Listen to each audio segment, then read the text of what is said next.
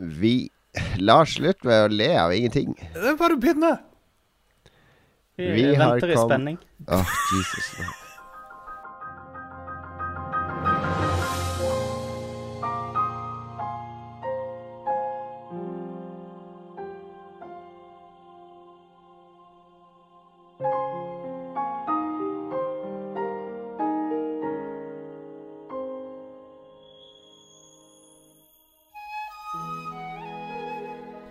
Vi har kommet til episode 152 av Lolbua, din favorittpodkast i det veldig store podkastlandskapet i Norge, som det har blitt etter hvert.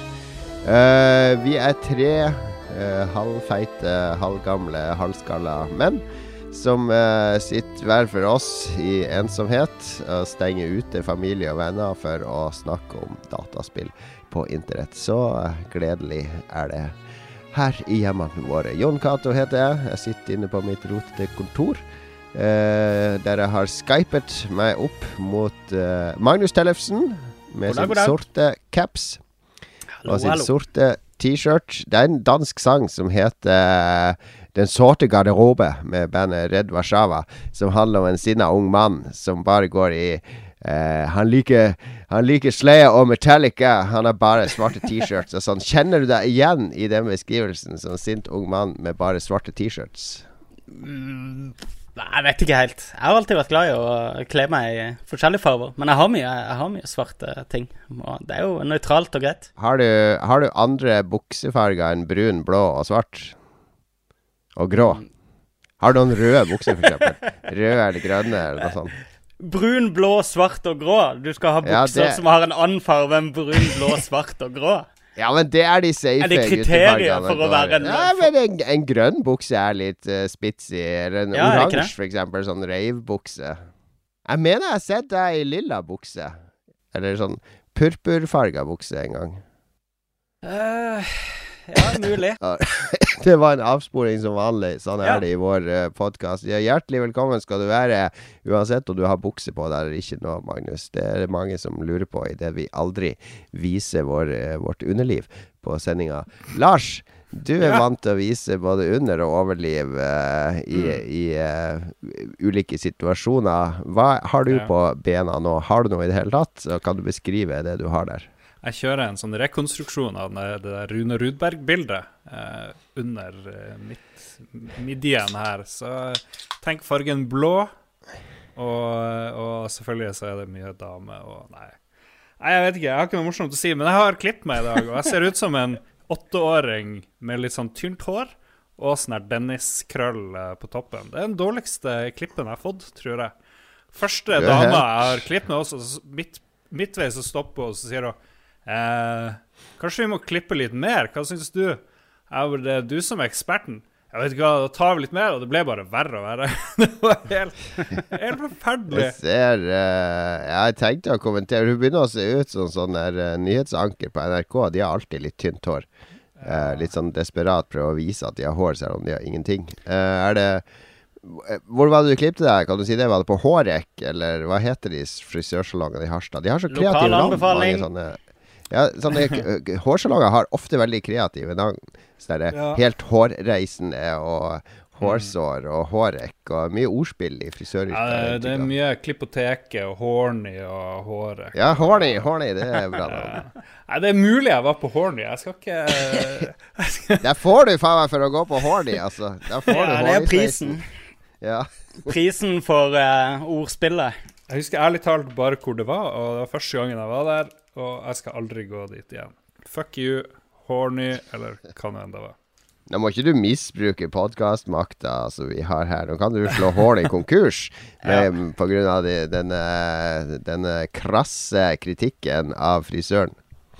Jeg skal ikke love deg det, men det, det er jo et navn jeg husker. Eh, Det er veldig vanskelig å finne en god frisør. Det, er, det, er, det har jeg slitt med i alle år. Å finne en frisør Mm. som er man bare kan gå inn og så få akkurat den sveisen man vil ha, og så gå igjen. skal vi se De heter Capelli, Cut frisersalong. Saksologen har vi i Harstad. Og oh, ja. Horribel har vi også her. Det er som med barer, som bare skal inn bar et eller annet sted, så er det liksom greit. Da er det vittig. Ja, Men der har du noe. Hvorfor er det ingen som kombinerer frisørsalong og bar? At du kan få deg en whisky og så sette deg foran Mm. speilet, og så kan du bli klippa mens du sipper til drink og en øl? Ja, i hvert fall nå i disse her, eh, disse her trend... eh, barberer eh, trend Ja, eh, hipsterskjegget trimma ja. mens du sipper til en whisky sour og Ja, en old fashioned. Eller en gin. Det er vel en gin de skal ha nå. Ja, en gin. Eh, velkommen skal dere være, kjære lyttere eh, som holder ut med oss eh, sending etter sending. Denne sendinga har det vært mye krangel i forkant, fordi det er det alltid, egentlig. det er høy temperatur i redaksjonen, men nå har det vært Det er noe trøbbel med Twitch, så det har vært heftig diskusjon. Eh, men hvis du ser på eh, en svart skjerm nå på Twitch, så kan du gå og sjekke ut i YouTube. Og hvis du ikke har svart skjerm, så si fra til Magnus i chatten, for han prøver å feilsøke problemet litt nå live. Uh, og så er jeg litt forkjølt, så jeg beklager min uh, hoste. Jeg lider, lider for bua som vanlig. Vi skal spille en kort trudelutt, og så er vi tilbake med en liten sånn mininyhetsspalte. Oppsummering av hva som har skjedd i det siste. Det blir også en uh, fyldig rapport fra Game Developers Conference senere i sendinga. Jeg tok opp litt live intervju med flere norske utviklere der borte. Så mye å glede seg til i dag.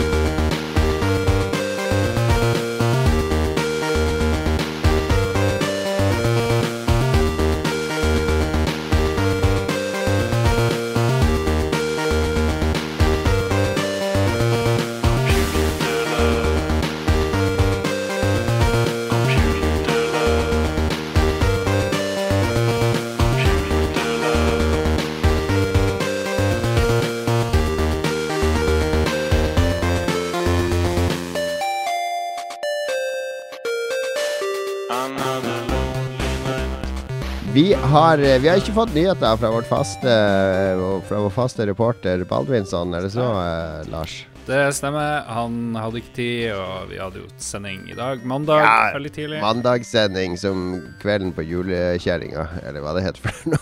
Eh, hva hva eh, ne, Nå er vi i det eh, vonde dilemmaet. Det her har vi vært fyr i diskusjon om før. At vi spiller en episode på mandag, og så halvparten av det vi prater om, har blitt sånn der eh, eh, korrigert og reversert i løpet av uka. Så når episoden kommer fredag, så står vi i fare for å være totalt uaktuelle. Åssen skal vi ta høyde for det? Vi får bare drite i verden. Fuck the world. Um, jeg tipper det er aktuelt på fredag òg, det vi skal snakke om. Det er sikkert det. Og det er kanskje enda mer aktuelt på fredag, for da vil eh, Vi har nemlig laga en mininyhetsspalte. Nå ser vi åssen det går når Baldwinsen har tatt ferie i en uke. Da, da klarer vi å fiske opp én setning og én nyhet. Så det her er en, en mininyhetsspalte de luxe. Det eneste vi er interessert i å prate om, det er følgende, Magnus. Du er veldig glad for at ikke du trakk inn eh, størrelsen min inn i denne minispalta. Det var jeg Oi. imponert over. Det var storsinna. det er det er. Forkjølelsen. Det må være forkjølelsen, ja. Yes. Nyhet nummer én. Mass Effect slaktes av Eurogamer for syv av ti. Ja, det får jo ikke det, for Eurogamer har ikke karakterer. Oh, fuck. Hvor det var den fikk syv av ti? Det fikk uh, 80 PC-gamer. Ja, Jeg vet ikke hva, jeg bare går og legger meg. Det her var Sånn går det. det Ja, den fikk 80 i, ikke eh, ja.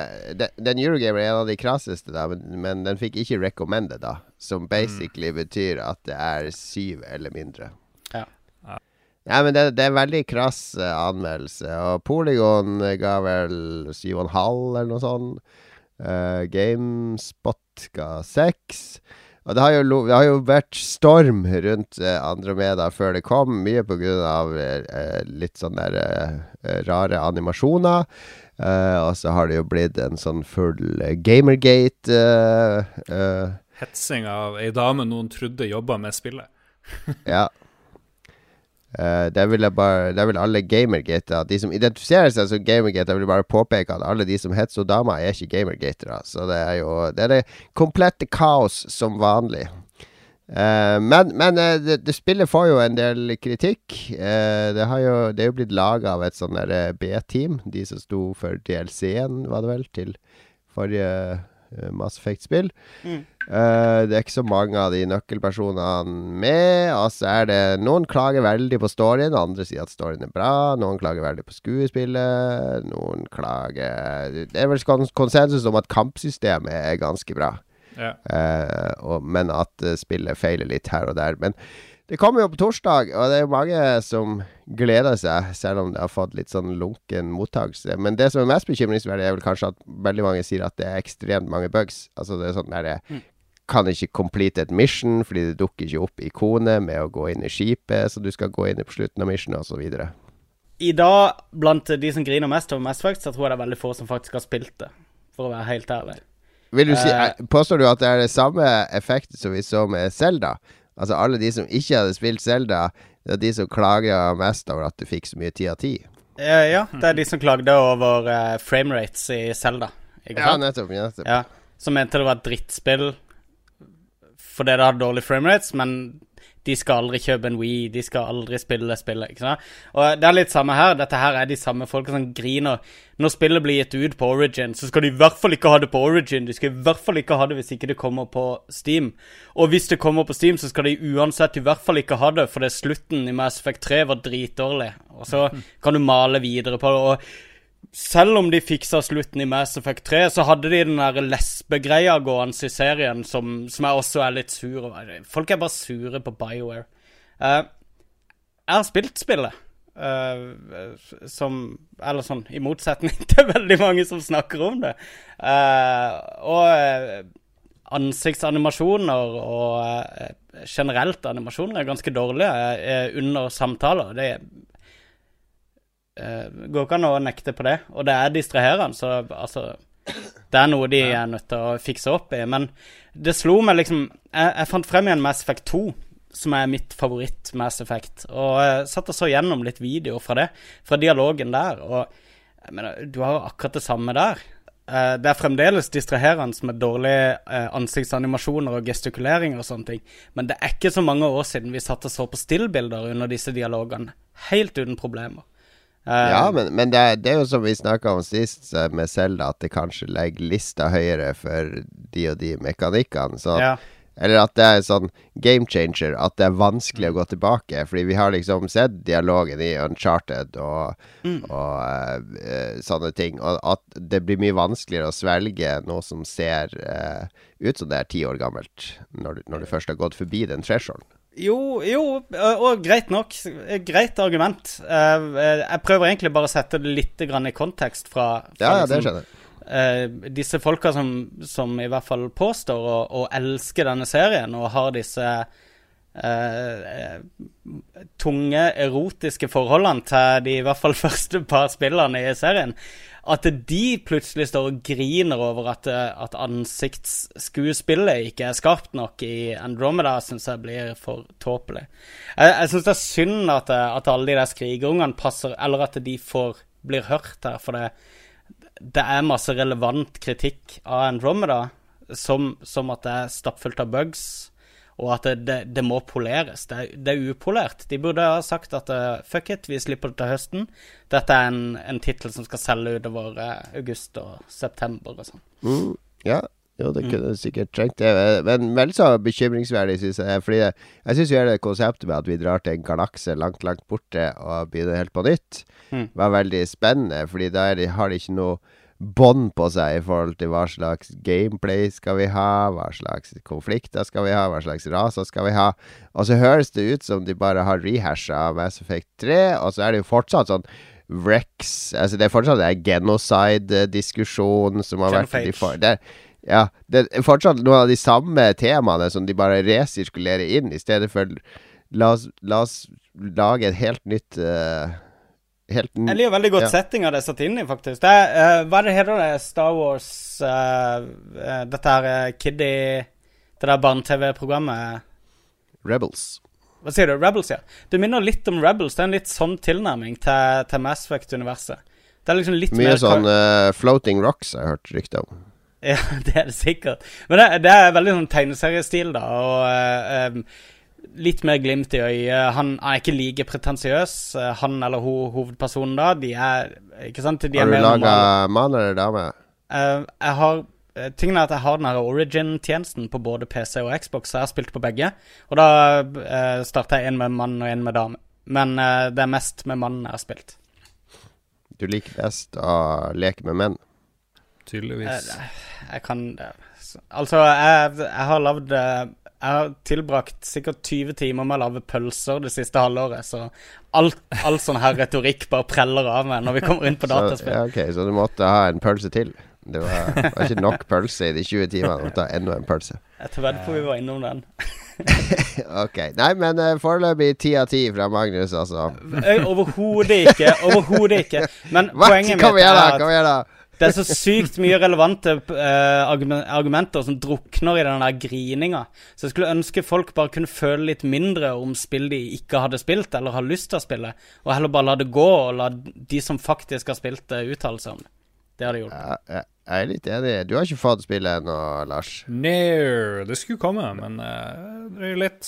Det er greit nok. Da får jeg Jeg hadde ikke begynt å spille det uansett. Det har jeg tenkt mye over i, i det siste, at eh, kanskje hvis du skal nyte forskjellige typer underholdning, TV-serier, bøker og film og spill og sånn, at du vil få mer nytelse ut av det ved å slå av internett. Mer eller mindre permanent.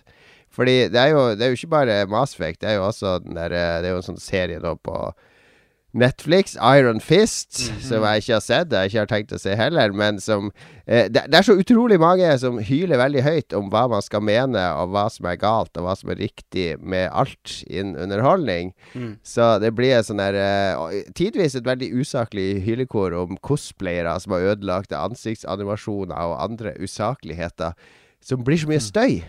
Hvorfor ikke bare slå av internett? Nyt, eller gå inn i opplevelsen sjøl. Mm. Og ikke ha andre i bakhodet som har fortalt deg hva du skal føle, og hva du skal tro, og hva du skal mene, før du opplever det på egen hånd. Her må du gjøre det du sjøl sier, hvis argumentet ditt skal, Ja, skal ha slutt å høre si. på Lolbua, eksempel. Ja, Jon, du har vært ganske hard på Mass Effect-researchen din nå i, i forkant av lansering. Uh, men jeg er helt enig med deg. Jeg har tenkt akkurat det samme. At det, det begynner å holde litt nå.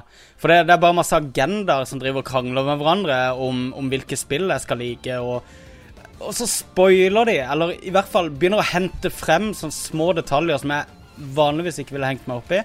Og så überfokuserer de på det, og så er det en sånn svær sånn nerd war over det som Det er, det er veldig forstyrrende. Så ja, alt var bedre før. Alt var bedre før.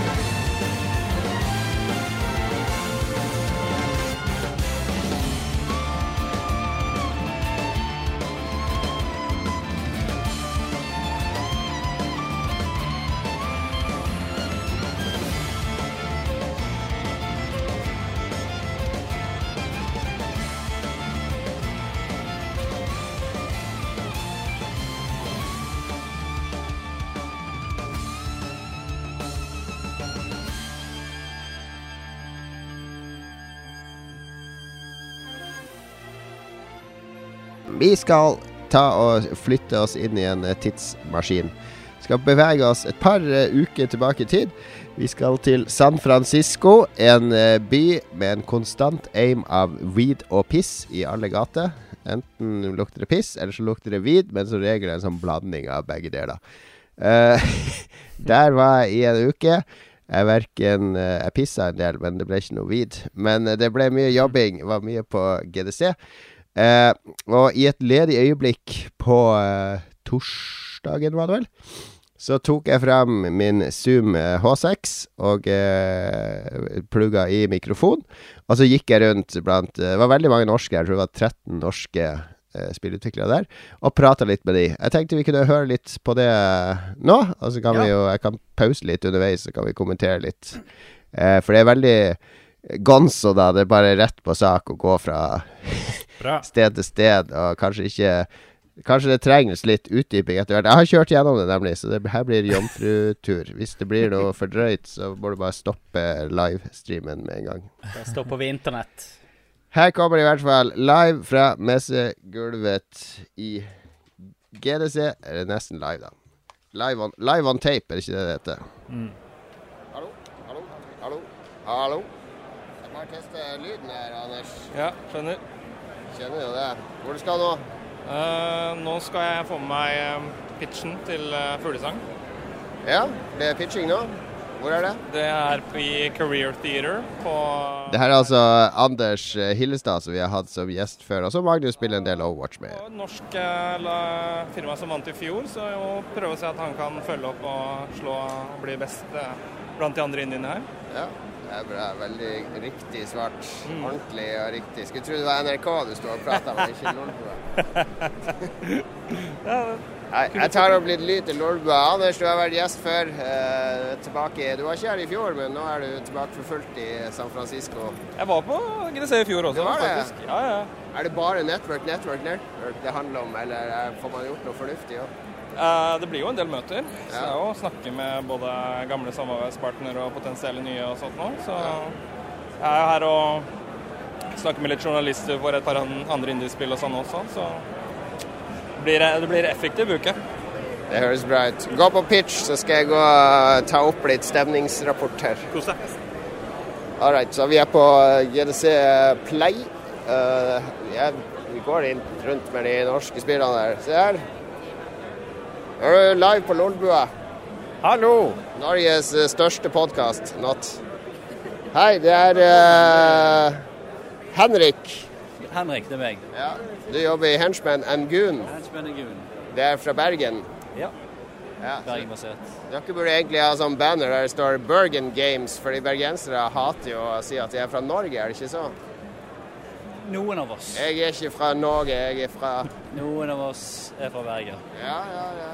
Men eh, når det er snakk om å komme inn i varmen, så kommer dere inn. Da er det Ja, ja, nei, altså, jeg syns Norge er et fint land, og jeg er veldig glad for å være del av Norge. Jeg ser jo det, for her er det mye nasjonalromantikk på stand. Det er jo litt sånn der eh, Sånn hyttepynt med sånn eh, rosemaling og sånn. Spillet vårt på hodet er veldig nasjonalromantikk. Var det diskusjon om å gå i bunad her? Vi snakket om det. Ja. Noen av oss har med oss lusekofter som et Ja. kompromiss, men eh, Det blir litt varmt med det er litt for mye. Litt for mye. Ja, men hva er spillet deres? Det heter Det er Pode, Ja. og det er et eh, puzzle adventure-spill.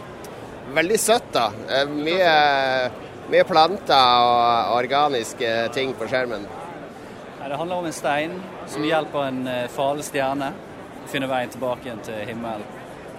Og Hele spillet finner seg på innsiden av et eh, gigantisk fjell, da. Så de må utforske og komme seg til toppen for å komme seg nærmere stjernehimmelen. Så det er utforsking, det er mystikk, det er eh, puzzles. Det ser jo eh, veldig ferdig ut. Hvor, hvor langt er det igjen? Vi har ca. et år igjen, Ja. så dette er en slags vertical slice av første brettet. da. Så vi jobber med å få resten av spillet til å se sånn ut. Så nice. Ja, men uh, sjekk ut Pode. Anbefaler lytterne. Det ligger vel noe ute på nettet, går jeg ut fra. Ja, vi har litt ute, og vi, vi, vi begynner å dele mer etter hvert. Vi har nettopp startet en Patreon-kampanje, faktisk. Ah, ja. Så der skal vi Den er åpen for alle. ja. Kan gi penger hvis du vil, men eh, utgangspunktet er den helt åpen. Gå inn der. Vi deler masse ting gjennom blogg og videoer og sånt etter hvert. Ja, kult. Er det jeg har mer tro på det enn kickstarter? Er det et eksperiment? Ja. Ja, man må Jeg vet man må prøve alt. Ja, ja, ja. Prøver, vi prøver alt i Krillbite òg. Vi vet aldri hva som funker. Det er best å være i forkant enn i etterkant. Nei, men det ser uh, veldig veldig bra ut. Det ser ut som et veldig konsollvennlig spill. Så jeg kan bare krysse OK, at, eh, Pode er uh, Dere har sikkert ikke hørt om det, dere to. No. Nei. Det er eh, mm, Det bør eh, absolutt eh, sjekke ut, fordi det, det er sånn Det ser ut som det er made for uh, konsoller. Det er sånn veldig cute, fargerik, fin grafikk. med, med sånn kvadratisk hovedperson og Det er Hva var tittelen igjen? Pode. Pode. P-O-D-E. Ah. Hvilken anti-aliasingsløsning bruker de? Det er det eneste jeg vil vite. Neida. Hvor mange frames, og ja, jeg vil gjerne høre noe om eh, karakteranimasjonene før jeg involverer meg i det. Men Henchman and Goon var, var jo de som Jeg tror vi har snakka om det i forlengelse. For de var de som Ja. lagde Flem, hvis dere husker Ja, det. Sånn som Ja, ja, 2D retre- Retro Som var litt sånn eh, upolert. eh, Jeg spilte ganske mye på det, men det var liksom Det introduserte noen nye mekanikker for hvert nivå. Og det var ikke det var ikke et toppspill, for å si det sånn, men Pode, der har de virkelig Der har de virkelig avansert. Det, det ser smashing ut. Eh, vi kjører på og ser hva som skjer. Og så får det ut på resten av konsollen etter hvert. Og så PC òg, da. En eller annen gang i fremtiden. Sweet. Takk. Lykke til. Da går vi videre her. Her er uh, Trolls versus Vikings 2, og så er det um, Fugl. Skal du være med på podkast, Gorm? Sorry? You wanna be on my podcast? Sure. Yeah. Hi, John. I'm Gorm. I actually work for Krillbite, but Oh. uh, I do like make our, a... our like our sound artist. No, Martin. no. Yeah, like Martin. Yeah, yeah. Martin also works for us. Yeah, I know. I know. Ah. Martin works for everyone. Yeah, yeah. So, yeah. I, so, uh, but yeah, my day job is Grillbite. I know Johan. Uh, you know you Hi, yeah, a bit. So, how are you doing with Full? It's uh, good. Very Yeah, you getting a good reaction from the crowd? Good. Uh, yeah, I think so. It's uh, been good with testing. With, uh, coming out on early access now soon. Oh, you're going for early access? Yes, We got just uh, greenlit two days ago. cool. So we're trying out. Uh, we have the VR version here, but also the normal PC version. Try to see what people like and not like about it. Um, Yeah.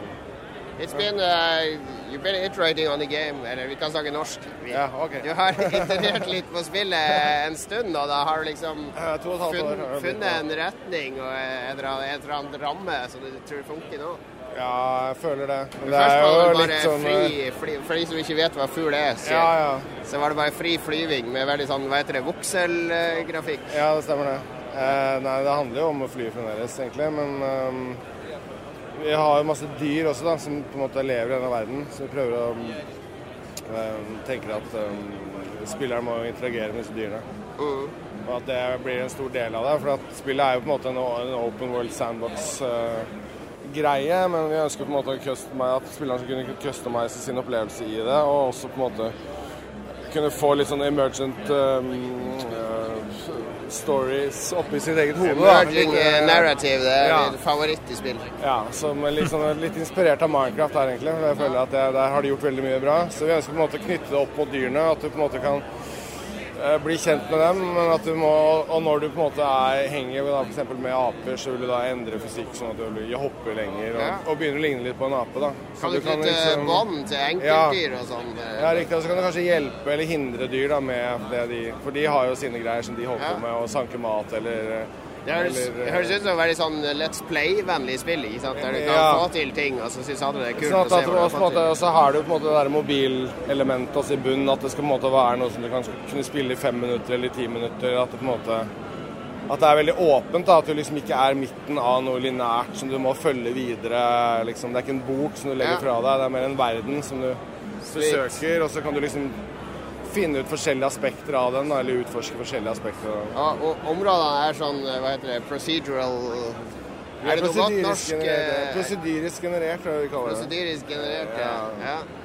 Så det er matematikk og støy og greier. altså. Genereres det på datamaskinen, og så blir det liksom Så spilleren kan liksom bare fortsette å, å fly videre.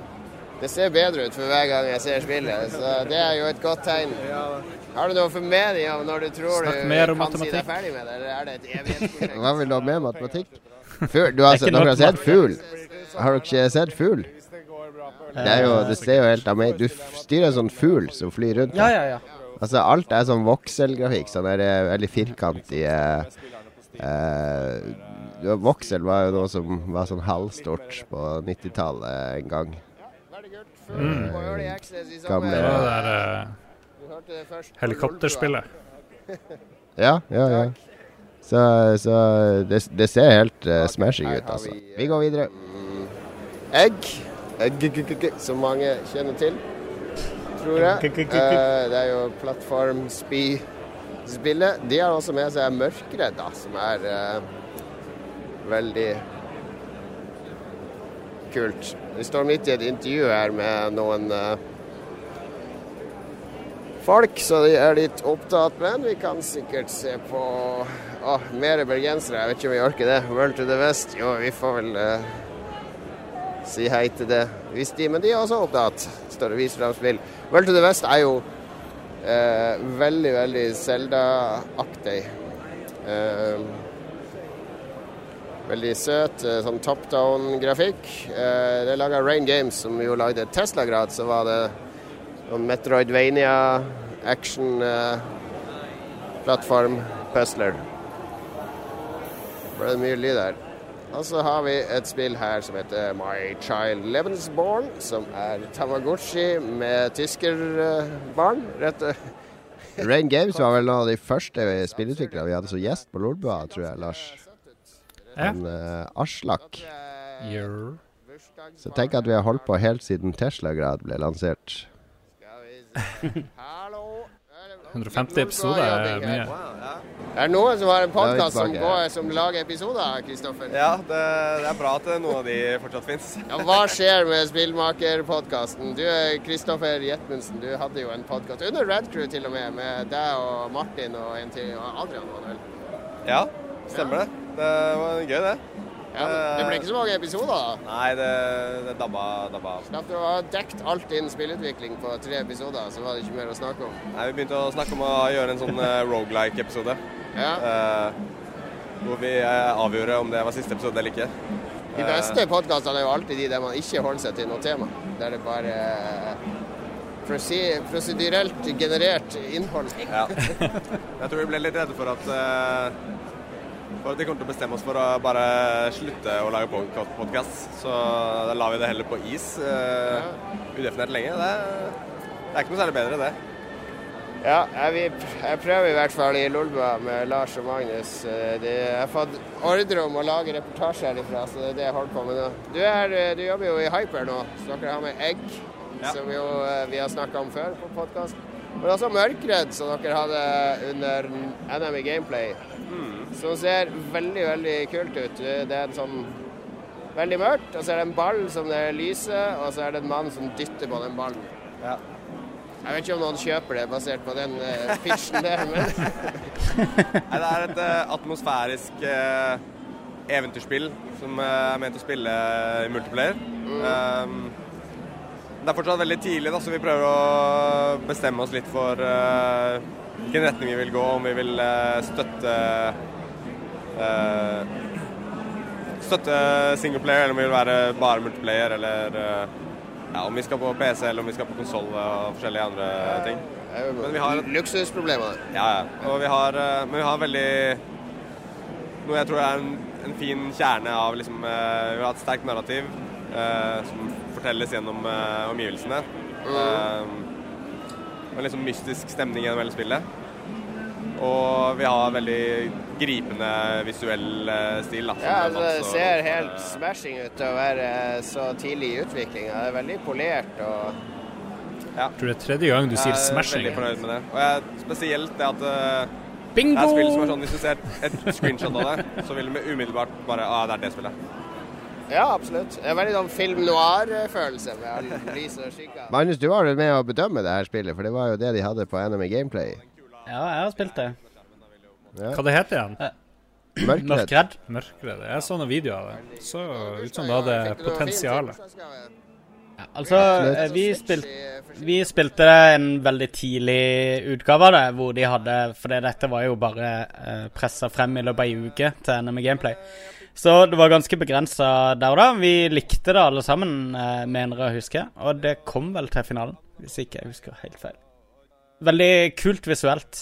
Med eh, eh lys og mørke, mye kontraster og eh, litt sånn dyster stemning over det.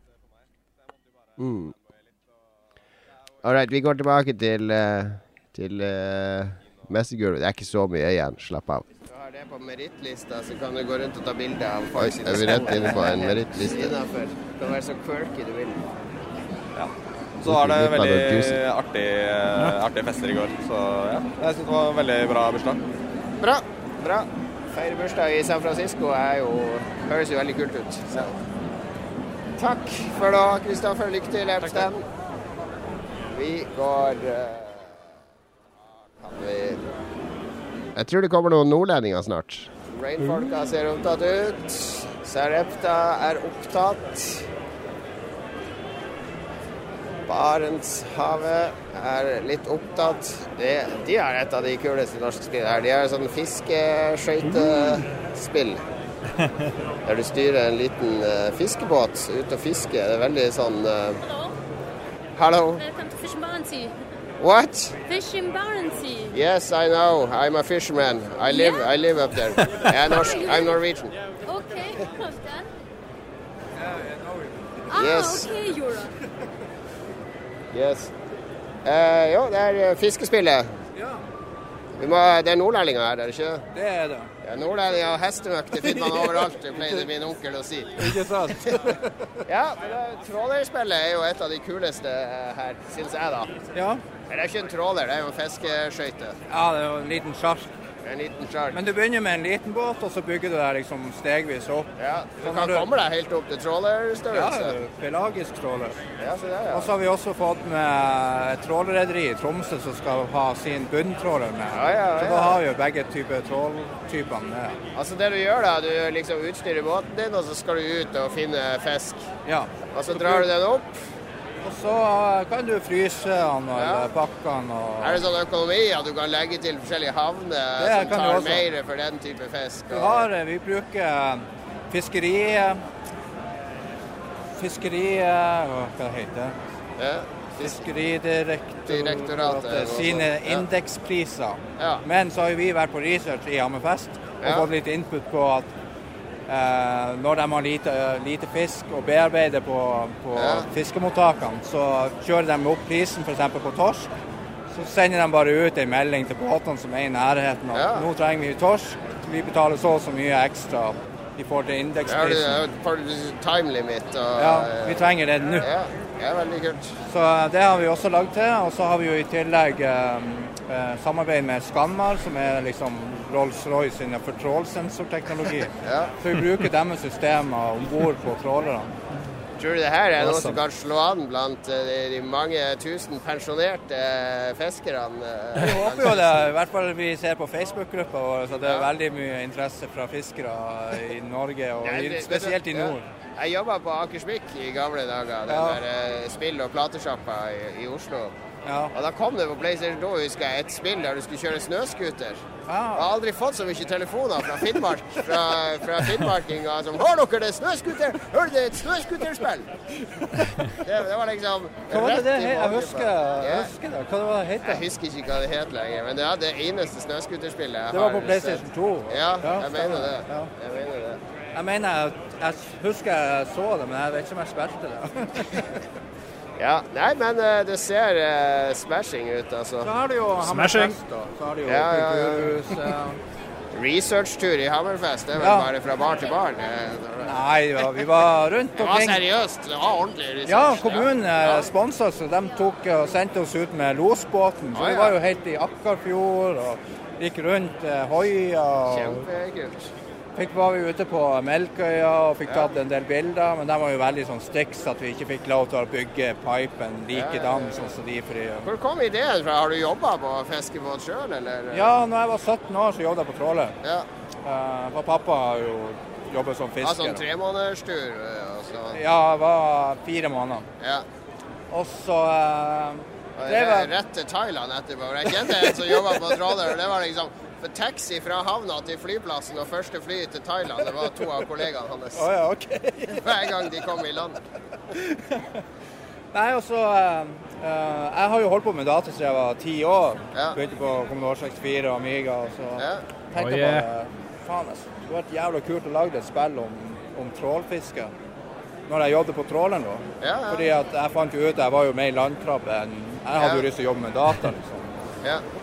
Så da kom egentlig ideen. Og eh, så eh, for ja, fire år siden så var jeg ferdig med, med utdannelse og bachelor og alt sånt på, på BI. Og tenkte nå er jeg klar. Da var det bare å fyre løs. Ja. Ja. Så begynte vi med en 2D-versjon i Ja. sånn prototype, og så fikk jeg alt liksom ting på på G da. Men jeg brukte jo ca. tolv måneder fra bare i planlegging og finne ut hvordan jeg skulle bygge det opp. Må lage en forretning rundt det òg, da. Det tar Ja, ja. masse tid. Det er Ikke det sant. jeg gjør for Krillbite. Jeg Ikke prøver sant. å drive forretninger mens de andre lager spillet. Ikke sant. Så eh, etter at vi begynte med å, i 3D, da, så har det jo tatt helt av. Ja. Så eh, ja, kom jo Astragon på Gamescom i 2015. Vi signerte publisher-avtale med de. Og så kom Skamma rett etterpå med Og spillet skal komme i år. Eh, Det er innen rekkevidde Ja, oktober-november er målet, da. Ja. Så, men vi prøver jo å få, få det så bra som mulig. Da, da tar vi kontakt igjen. Da eh, det er Gjøran går ut fra, ikke Goran. Ja, gjør det. Goran er veldig sånn Street Fighter-navn. ja, du kan jo ta kontakt. Vi tar kontakt, eh, vi i Lolbua, når det nærmer seg. Ja, gjør det. Det er, det er podkasten som jeg og eh, Ja. som heter Lars i Harstad-laget, Og Stemmer. som heter Magnus. Nei, jeg har jo Så da, ført, det her er midt i det er veldig Lolbua-materiale, så Ja. det kan vi ta tak i når det spiller spillet kommer. tøft. Yes, lykke til her. Jo, takk for det. Takk til, til Gøran der. Jeg tror ikke det er så Hørte at du hadde, lyst til å, du hadde lyst til å avslutte den samtalen litt før den ble avslutta. Men det var veldig spennende. Veldig. Det er gøy å høre du legger om, eh, Jon, når du snakker om fisk og sjarker. Ja, fisk. og da kommer uh, harstadværingen frem. Når du prater med grøtmålingene dine der Ja, nede ja, fra, ja, ja, jeg gjør det sjøl, jeg. Jeg gjør det selv. Jeg halverer eh, hastigheten jeg snakker i når jeg kommer hjem. Nei, vi får ringe han eh, Gøran når, eh, når oktober kommer og spillet kommer, for han er en morsom fyr. Artig Ja. kar. Nice. Goran, som Nei, det sto bra. på badgen hans. Det er jo en suksess, det her. Utegående reporter, Jon. Det her er jo konge. Det er litt gøy å gå rundt med mikrofon. Man føler seg veldig viktig. Det var, fordi det er nei, vi kjøpte jo Både jeg og Lars har jo kjøpt seg stor Zoom H6 eh, Mm. eh, bærbar mikrofon, så man føler seg jo litt sånn ordentlig når man går med den. Det er, det er ikke like kult å stå med mobilen. Ja. Har du funnet ut at du kan mer- vri Hvis du bruker den der med de to tingene som stikker ut, så kan du vri på dem for å se hvilken vinkel, vinkel du skal ta opp lyden i. Om det er liksom kort Mm. eller litt sånn veldig bred. Men eh, jeg aner ikke om det Hva er diskuterer dere egentlig nå? Detaljer. Vi diskuterer noe som hører hjemme på bakrommet. Litt På musikk, og så skal vi høres det ut som. Litt musikk, så skal vi snakke kjapt om hva vi har spilt i det siste.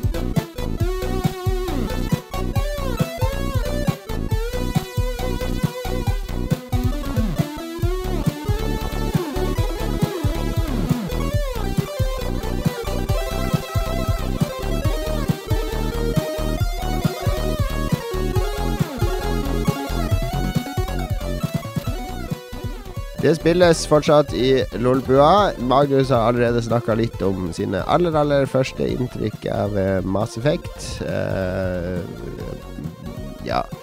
Ellers går det vel mest i eh, Zelda på, på deg fortsatt, Magnus. Det, det går mye i Zelda. Det går Ja, mest men, du, men du har vært på preview-event. Fordi Mm. vi ble jo invitert opp til uh, House of Nerds i Oslo, der det var Square Enix var på plass for å vise et eller annet.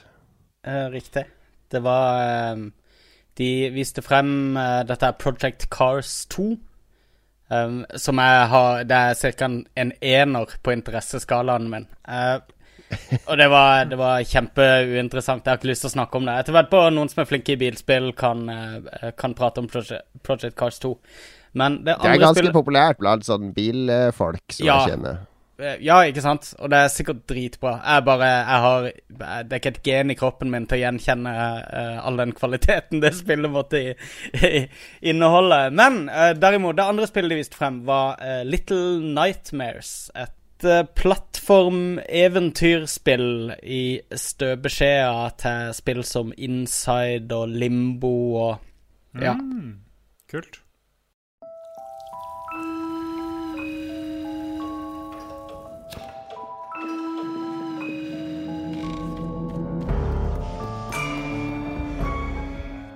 Da jeg satte meg ned med spillet for første gang, så jeg, jeg bestilte oss en time å spille det der. Og de hadde noen utviklere der som prata litt om det og presenterte det. Eh, Ved første øye eh, Det ser litt ut som om Tim Burton skulle ha lagd eh, dette EA-spillet Unravel. Eh, det var sånn spillet begynte. Veldig raskt så ble det klart at, at de spilte på en del ganske mørke strenger, og det er litt sånn henta ut av playbooken til Roald Dahl, da, med at uh, de henter frem eh, ordentlige marerittscenarioer da, som unger jeg tror unger vil oppleve som ordentlig skumle.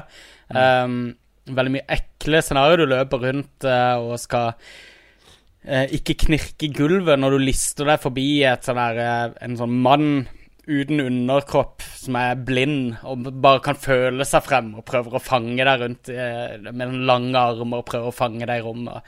Ja, ganske nasty. Det ble veldig raskt limbo og slutta å være unravel. mm. Jeg syns Ja, det var litt eh, Litt uh, funky eh, respons på kontrollene som gjorde at jeg var kanskje litt oftere sur på spillet enn meg sjøl når det gikk galt. Eh, men utover det var det eh, superspennende og eh, temmelig variert. Mm. Og eh, ja. Et, eh, et artig eh, eh, sånn 3D-eventyr uh, som ser ut som et 2D-spill. Sånn som Limbo og disse. Ja, jeg hørte litt på Men- level, level Backup. De var han Rune Fjell, eller hvem det var, var ekstatisk for det spillet. Ja, Rune sto bak meg og sa 'Jeg elsker det!' Så, mens, eh, mens jeg satt og var kanskje litt, litt bitrere når jeg spilte det. Uh, Jeg, jeg syns som sagt eh, at, eh, at eh, kontrollene kom litt i veien. Og, eh, men jeg spilte jeg Jeg kom nesten gjennom demoen, som var ganske langt eh, i forhold til hva de andre journalistene kom, så vidt jeg skjønte. Humble brag. Hva sier du? Humble brag. Nei, det er en, Ja, det er en det straight out brag. bragging. Yes, det. Nei, liten- nei, men uh, det jeg skulle si, var at jeg, jeg har i hvert fall sett uh, sannsynligvis mer enn hva veldig mange av de andre som har snakka om spillet, har uh, basert sine uttalelser på. Ok, En liten quiz. Hvem er det som distribuerer spillet? Det er ikke Square Enix, som noen sa her i starten. Det er Namco Bandai Det som stemmer. distribuerer det. Nei, det er feil. Det er Bandai Namco. Er det noe nytt? Eller skal vi lese det den veien, siden det er japansk? Men uh, vi må jo også passe på å ha alt på det tørre. Ble reisen betalt av eh, Bandai Namco? Jeg tok uh, uh, en haug med busser. Det er en historie for seg sjøl, åssen jeg klarte å forvikle meg bort i Industri-Oslo. Eh, og betalte for alt eh, fra egen lomme, fra eget månedskort. Så Veldig ingen fare. Har du påspandert noe alkohol eller andre ikke-alkoholholdige drikkevarer mens du var der, som påvirka din mening om spillet? eh, jeg syns jo spillet var dritt frem til jeg fikk en gratis bagett, som gjorde at jeg da henta det opp til en, en femmer. da. Så jeg gamergata noe å spise mens jeg var der. Det såpass ærlig Ja vel, så du fikk en bagett, ja. Ja. Ja. Sa de fra om det på Level Upcast, og at Rune hadde fått en bagett? Jeg tror, eh, jeg tror Rune Nei. sa at han ikke kunne ta imot denne bagetten. For det Nei, jeg tror jeg, jeg tror ikke. Men jeg, jeg måtte skrive under på at jeg skulle gi en eh, minimum positiv omtale i bytte mot den bagetten jeg fikk. Så, så det er i hvert fall eh, eh, Det formelle er i hvert fall på plass. Ja, Fair and square. Enix. Yes. Uh, da uh, skal vi Ja, hva, hva mer har vi spilt? Du har spilt uh, Near Near Automata, Lars. Ja, jeg har Er bare det niende spillet i serien? ja, det niende. Det var Ater Automata. Var det. Riktig.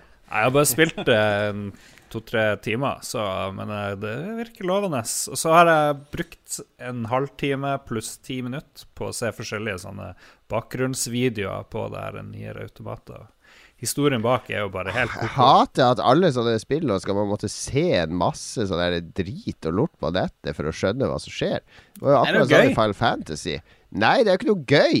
Selvfølgelig er det gøy. Hva, skal du kjøpe deg en bok og si sånn Ja, husk å se denne TV-serien først, og så denne webserien, før du kan skjønne noe av boka. Det skal være Ja, men det, det er jo eh, det, det, er krydder. Det krydrer jo Nei, det eh, er altså, ikke krydder. Men det må være bra. Transmedial eh, markedsføring. Ja, det er topp. Jeg digger det. Men uh, det beste som kom ut av Final Fantasy foreløpig for meg, er den her Kingsglave. Jeg syns det var en ålreit film. En overraskende ålreit film. Litt enig. Men jeg kan berolige deg at uh, Jon, og si at ranten din var litt bortkasta, for du trenger egentlig ikke kunne noe backstory. Men jeg hadde lyst til å se om det var det. Men, men eh, de fleste sier vel at du ikke skal trenge å, studere så mye Drakengard 1, 2 og 3 og frem til nier det første, og så lese uh, skuespillet, og så lese boka, og så alt det der. For det, det er bare helt kaos, hele historien. Så det er sånn Først er det fantasy, og så blir det aliens plutselig dukker opp etter et eller annet sted. Og nå er vi i år 11 000 eller 14 000 eller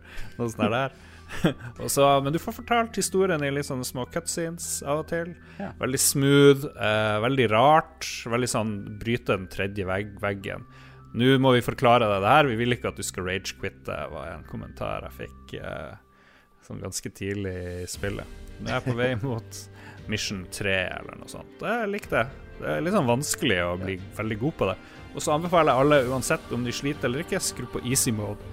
For da bare tar datamaskinen helt over, stort sett, og kommer med de sykeste movene. Den klarer å skyte perfekt hele tida, mens karakteren din bare slår og slår. Det er fantastisk, hvis du blir litt lei av å dø. Så du anbefaler å spille spillet på easy mode fordi det er for komplisert? Nei da, jeg sa det er gøy å se hvordan det ser ut. Det, er veldig, Det er det, blir bare helt kaos. Eh, og så finnes det visstnok fire-fem endings. jeg vet jo at Ja. Ja, det er sånn at når du eh, Når du klarer spillet, så kan du starte på nytt. Mm. Men da spiller du ikke samme spillet, fordi du spiller samme start. Og så plutselig så er det sånn eh, Forrige gang så gikk vi dit. Nå skal vi heller fortelle historien om det her, da. Så det, det er et helt Ja. nytt spill da Yes. når du spiller det andre gang. Og det samme tredje gang, og så fjerde gang. Ja. Så, så de liksom forteller spillet fra forskjellige perspektiver for hver gjennomspilling. Som er en veldig kul greie, syns jeg. da Veldig morsomt, eh, morsom idé. ja. Men er det et kult spill å spille fire ganger, er jo spørsmålet. Ifølge de De jeg har lest kommentarer til, så ja, Ja. det virker sånn. Ja. Og så og så er det litt sånn, tipper jeg, når du spiller spillet på nytt, så kan det være sånn at du møter noen du drepte forrige gang, men sånn var det i et av de forrige spillene i hvert fall. Han du drepte, han, det er bare en misforståelse. Han vil egentlig bare være vennen din og sånt, og så hører du kommentarene som du ikke fikk med deg første gang. Ja, det er fett. Ja. Ja, det er kult. Eh, Jeg har sett litt eh, på spillet, eller jeg så på det på et par uker siden. Det var noen som hadde early access på Twitch, bare. Um, det slo meg som et sånt spill eh, hvor en bruker veldig mye tid i menyene etter hvert. Eh, stemmer det, eller? Jo, du har sånne ulike chipsets, for du får masse chips du kan putte inn. Du kan liksom velge Ja. OK, nå skal jeg ha exploration-oppsettet. Da kan jeg høre mer etter lyder og skanne bedre og sånt. Og så har du kampoppsettet. Så du må liksom, det er mye gnukk, og så er det litt dårlig forklart. Så det er kanskje litt greit å studere. Men eh, da. Men er det et kult system? Er det, er det liksom Benytter Benytter du deg av det? Eller kanskje litt tidlig? Det er kanskje litt tidlig, men jeg begynte å putte inn noen chips, og nå har jeg, jeg full For du har sånn begrensning på hvor mange chips du kan ha i den der eh, hodet ditt, eller hva det nå er, for du er jo en, eh, en androide. Så eh, nå må jeg begynne å lage sånne alternative greier, for jeg har ikke plass til alt jeg har. Og det er ikke alt du trenger hele tida. Takk for meg, nye automater. Det virker veldig kult. Det gjør det. Sweet, sweet. Gleder meg til å spille det. Jeg har egentlig bare Jeg har spilt Zelda og Shovel Knight. Eller den nye utvidelsen til Shovel Knight som du Ja. kun får til Switch. Som er kult hvis du liker Shovel Knight. Det er jo Er det en annen helt? Eh, du styrer ikke han spadeknekten, men eh, du styrer en annen helt som har helt annen moveset. da Du kan eh, fly gjennom fiender, da.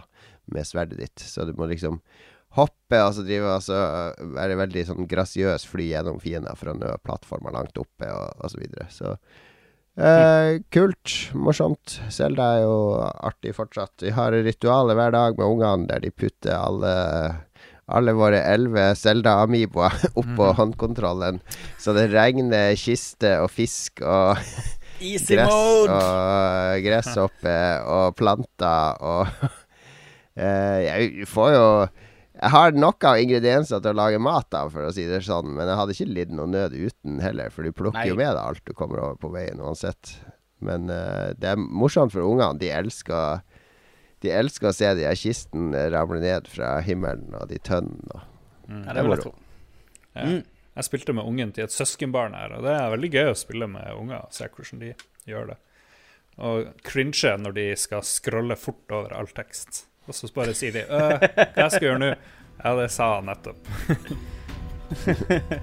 Din idiot, sier du bare da. Musikk, musikk, musikk.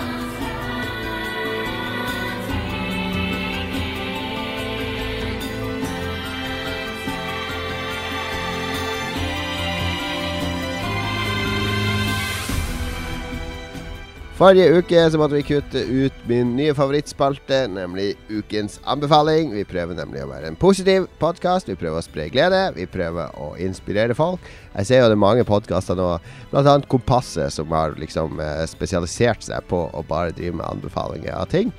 Uh, de, vi, vi var sikkert ikke først, men eh, vi i hvert fall Vi prøver å stå imot alt det negative. Vi snakka jo om denne negativiteten på internett tidligere rundt Mass Effect og andre underholdningsprodukter. Eh, denne spalten er, skal være fritt for negative tanker. Litt kritisk skal vi være når vi spør hverandre, men vi skal ikke ikke fremheve noe som søppel og møkk. Absolutt. Er vi klar? Hva har du på skrivebordet ditt denne gangen, Lars? Lars, du, du, tar den, du er den som tar denne spalten minst seriøst. Du kan fin finne på å anbefale trusa du har på deg som du kjøpte på Hennes og Maurits, eller Hva? Eller Hva? frisøren, frisøren din anbefaler Frisøren din anbefaler i hvert fall ikke. Men hva er det du anbefaler denne gangen? Jeg spår at noen av dere kommer til å anbefale noe dere, dere har sett på en sånn strømmetjeneste. Og hvis det er mer originalt enn hva som er på bordet mitt, så er jeg helt Vi uenig. får se. Vi får se. Hva, hva gir du oss hvis, hvis din spådom ikke slår til? Alle, ja, da skal dere få, uh, få det jeg snakker om.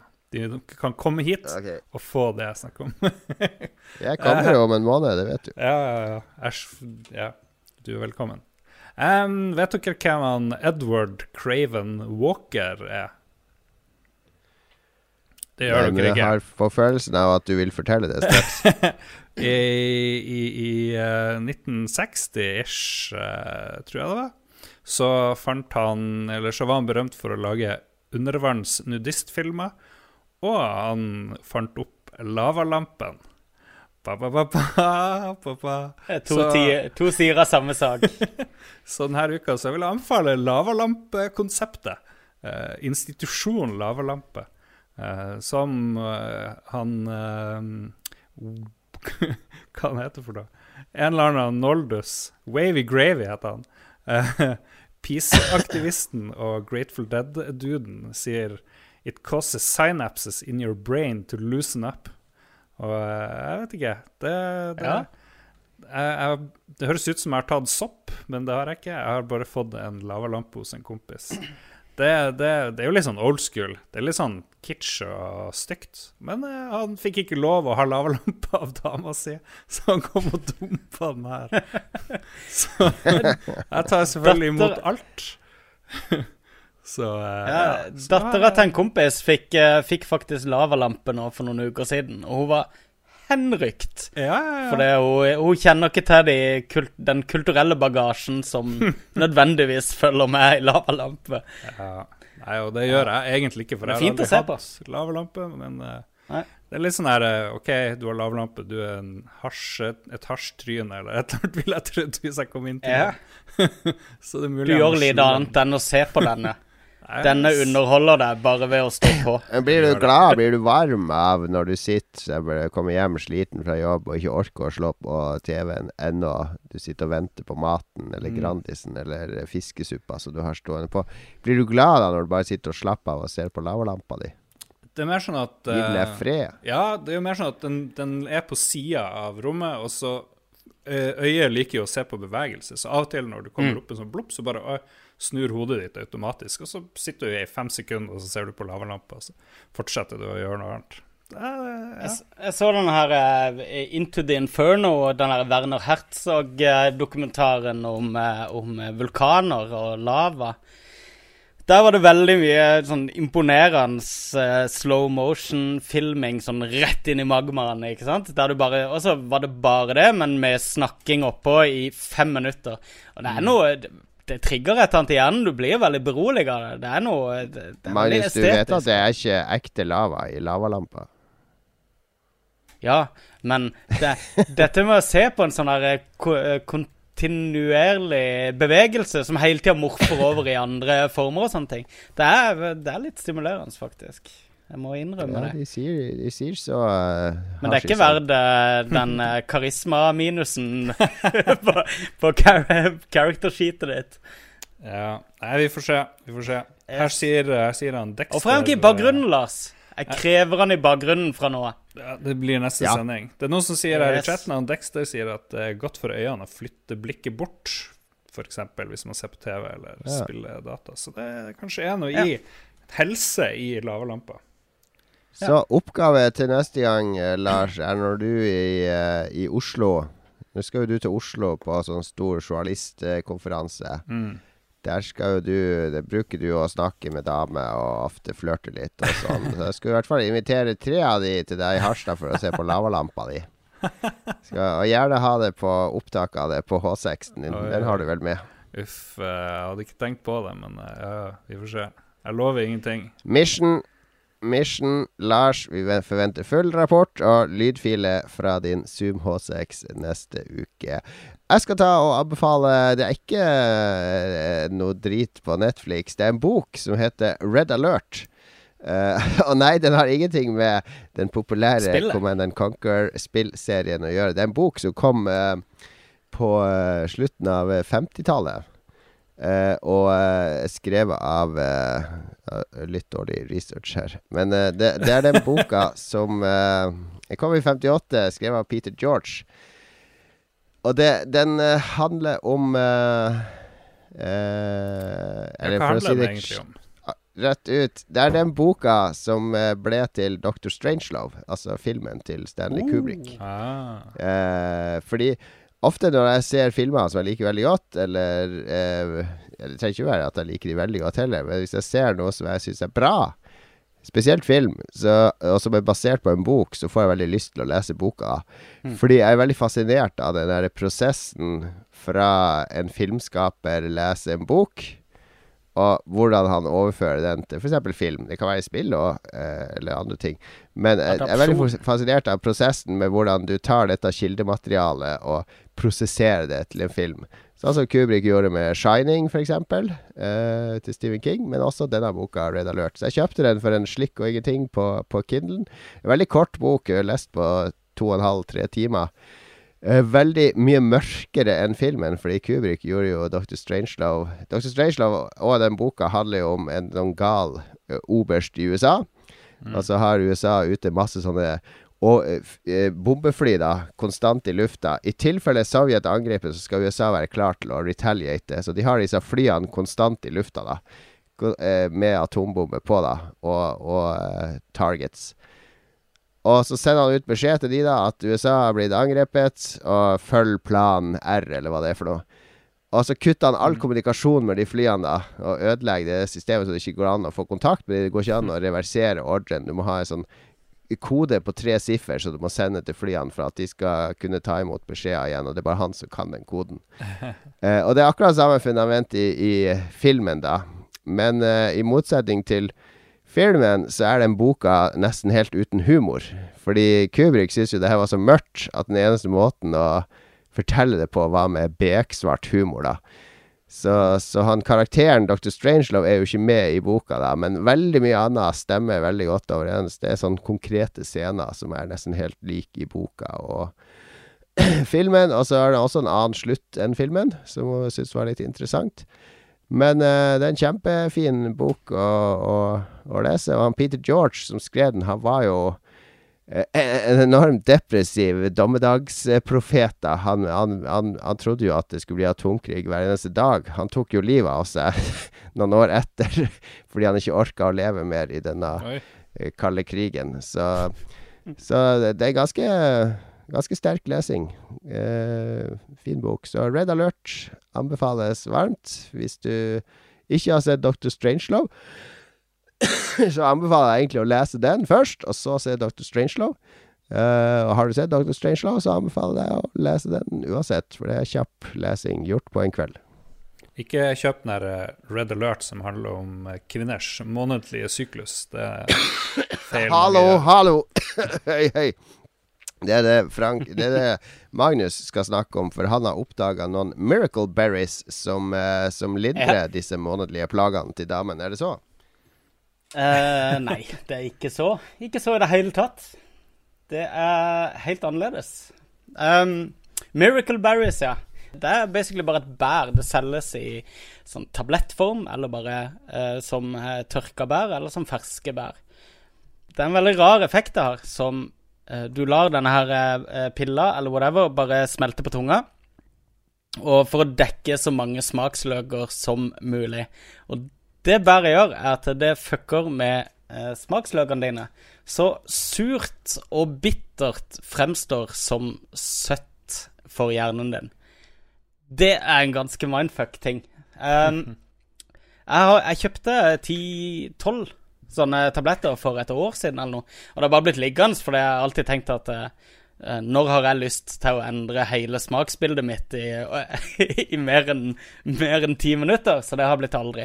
Men her forleden så kjøpte jeg kjøpte jeg jordbær, som eh, på vinteren nå er jo dritsure. Det er jo basically sitroner. Og da tenkte jeg, eh, hva skjer hvis jeg spiser et sånt Miracle Berry, og så smaker på disse eh, jordbærene? Og de ble De ble faktisk for søte for min smak. Eh, Holy det shit. Yes. Og da, eh, etter at jeg smakte det, så gikk jeg selvfølgelig Raida er jo selvfølgelig kjøleskapet og eh, eh, alt, alt mulig. Jeg satt og drakk, drakk eddik og spiste sitroner og Eddik? Eddik smaker frem... Det er veldig rart, dette her, for det Som sagt, du, du oppfatter surt som søtt. Så eh, eddik ble altfor klissete, rett og slett. I hvert fall balsamico og sånne ting, for det er gjerne søtt i tillegg, da. Eh, men du merker at du drikker eddik likevel, selv om liksom det er ingenting som disse her, eh, Du har fremdeles disse mentale sperrene. Så hvis du eh, Når jeg liksom fylte munnen med sitronsaft, for eksempel Så var det liksom Så fikk jeg litt sånn grimaser fremdeles når jeg gjorde det. Men når jeg prøvde liksom å finne følelsen i smaksbildet som skapte den grimasen, så var det ikke der. Så det var, det var veldig mindfuck, i hvert fall. Disse bærene, Miracle Berries, kan bestilles på eh, Amazon og på YouTube og alt mulig. De er 100% lovlige. Magnustellefsen.com, tydeligvis. Ja. De markedsføres som oftest eh, med at de er kalorifri. For det at, eh, dette er tydeligvis noe tjukke folk eh, spiser før de skal eh, ha seg en godis. For da kan du sette deg ned med, eh, på lørdagskvelden. Sette deg ned med sitroner og, og alt mulig av, av kalorifri, veldig sure og bitre frukter osv. Og, Crazy. og spise det som om det var godteri. Det er den beste anbefalinga du har hatt noensinne. Er det ikke det? Ja. Det er ganske freaky. Fikk du vill ereksjon? det er, det, er sånn, det er sånn LSD for smakssansene. Mm. Ja, på en måte. Men det, det kødder bare med, med surt, da. Eller surt og bittert. Tart.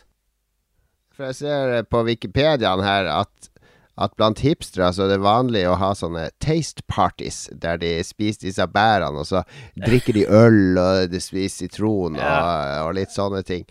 Eh, blir det noe, blir det noe eh, food hipster taste party hos deg i nær fremtid, der Lolbua-lyttere kan melde seg på? Nei. Men jeg kan sikkert ta det med på quiz en gang, så kan vi, eh, så kan vi se hva vi får til der. Ikke quiz, men når vi skal ha vår jubileumsepisode en gang vi i vår sommer, så må du ha med litt Miracle Berries, så vi Da kan vi oss eh, gjennom sånn bitterøl og surøl og sånne ja, ting ja, som vi det der. tar alle de sureste shotsa. Altså, Ja, det kan vi òg gjøre. Det høres livsfarlig ut. It sounds dangerous. Men Nei, veldig gøy i hvert fall, folkens. Uh, yeah. Miracle koster rundt en jeg vet ikke, fem-ti kroner per sånn bær. Så du kjøper de gjerne i Funker pakker det, funker det på baren for å få de til å spise grønnsaker og sånn? Ja, for eksempel, så kan du helt sikkert lure de med det. Men, men det gir bare Det er bare en sånn rar ting å gjøre inniblant for å få litt uh, bevissthet rundt uh, hva du egentlig smaker også. Så anbefales varmt.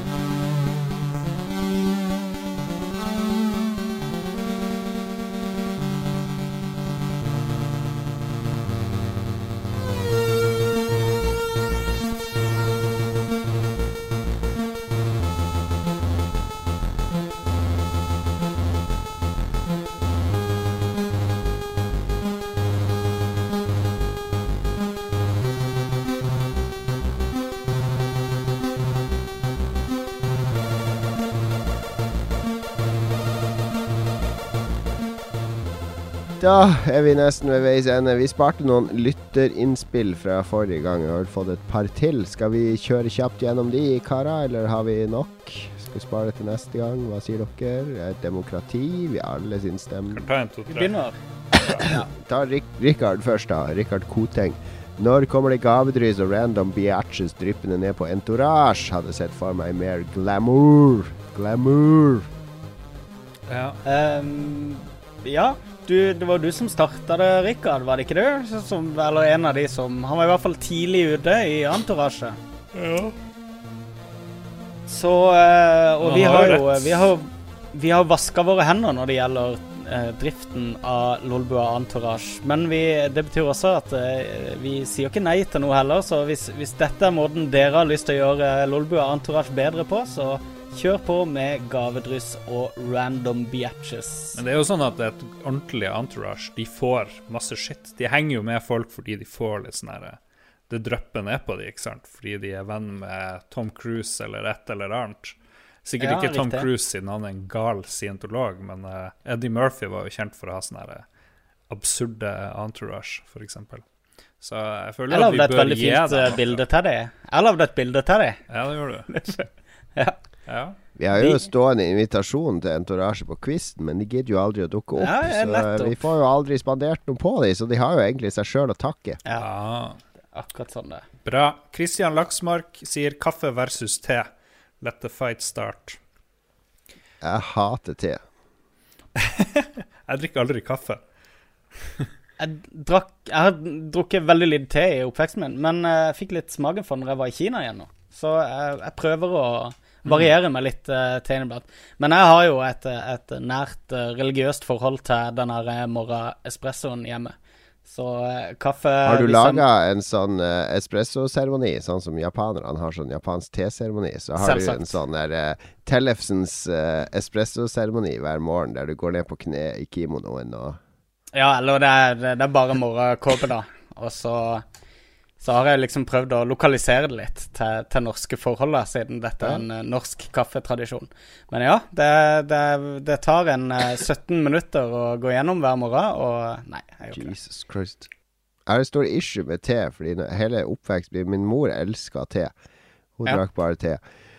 og, så hadde hun sånn greie Hun kom hjem fra jobb, så skulle hun alltid ha teen sin. Uh, satt hun i stua da med denne høye koppen med denne teposen oppi. Earl Grey. Og så, når det var ferdig å trekke inn, da, så måtte jeg alltid ta og bære den der teposen ut i søpla på kjøkkenet. Og jeg syntes teposen var så ekkel. Den var så våt og blaut og guffen. Og det måtte jeg gjøre eh, veldig, veldig ofte. Så jeg, så jeg har Ja. fått, eh, fått veldig sånn ah, Jeg, er sånn, jeg forbinder te med noe skikkelig. Traumer. Ja. Jeg har aldri Ja, smakt det. ordentlig- Aldri i mitt liv. Jeg, jeg syns lukta minner meg om det der at jeg må drive og bære den der teposen fra mamma ut. Men kjære vene, Jon. Det fins mange andre tetyper enn eh, Earl Ja, men det det jeg forbinder med te. Ja, og nå er jeg 44 år gammel. Jeg, jeg, Ja. jeg, har, jeg har ingenting å hente på å begynne å drikke te nå, da. For guds skyld. Det, jeg kan fint leve et liv uten te. Jeg begynte, å mislike, jeg begynte å mislike kaffe da jeg var liten. For det, kaffe og røyk det var sånne gamle, trasige folk som lukta stygt. Ja. Eh, hei vise. Og folk som drikker mye kaffe, du lukter det på dem på et vis, gjør du ikke det? Mm. det, Jo, det det. Så dere vet dere går og stinker hele dagen når dere driver og drikker masse kaffe. Det må dere huske. Og så Jeg er faktisk litt obs på akkurat det der. og, Men eh, jeg vet ikke, jeg var jo, det var jo fordi jeg, jeg lukta vel mest på foreldrene mine, fordi jeg var liksom nær dem. Men kanskje hvis du Mm. går en meter eller to unna. Men hvis dere har unger, Kaffe så og røyk forsterker Ja. veldig hverandre, da. Alle har jo hatt en lærer som har sittet Ja. på røykerommet på lærerværelset og dampa hvert friminutt og kommet ut og stinka det, det, kaffe og røyk. det lukter av folk som har lavalampe òg, for de bruker som regel ikke deodorant. Nettopp. Det lukter musk av de, merkelig nok. Fantastisk. Yes. Ok, en til. Siste, eh, Magnus. Yes. eh, Henrik Olafsens Elman spør hvem i Lolbua som spanderer øl på han når han kommer hjem i sommer, og hvorfor er det Lars? Jeg vil gjette at eh, hjem eh, Ja. er Harstad. Det heter i Harstad. Han Henrik er en hyggelig fyr, men han har blitt veldig kravstor. Eh, det har gått okay. litt i hodet på han, det her at eh, han har truffet Jon Cato og meg, tror jeg. Så vi må jekke han litt ned. Eh, vi skal banke han opp i en eller annen bakgate når du kommer oppover, Jon. Skal vi finne han Henrik, og så skal vi Buksevann. gi han litt eh, Skjære av han en finger. Eh, litt sånn Oi, er Yakuza-style. der, ja. Ikke buksevann. Ja, Det, er- det holder ikke. skjønner dere hva jeg tenkte. Ja, ja. Så det skal du få. Henrik. ja da da fyker det en finger neste gang du kommer hjem, Henrik. Det, Ja, hyggelig melding fra Lars. og det er også ukas anbefaling. Vi avslutter alltid på en sånn hyggelig eh, hy hyggelig bølgelengde med å true lytterne med å skjære av i fingeren. Og vi sier aldri. 'hadde' eller noe. Det er bare trusler, og så bare er det kutt lyden nå!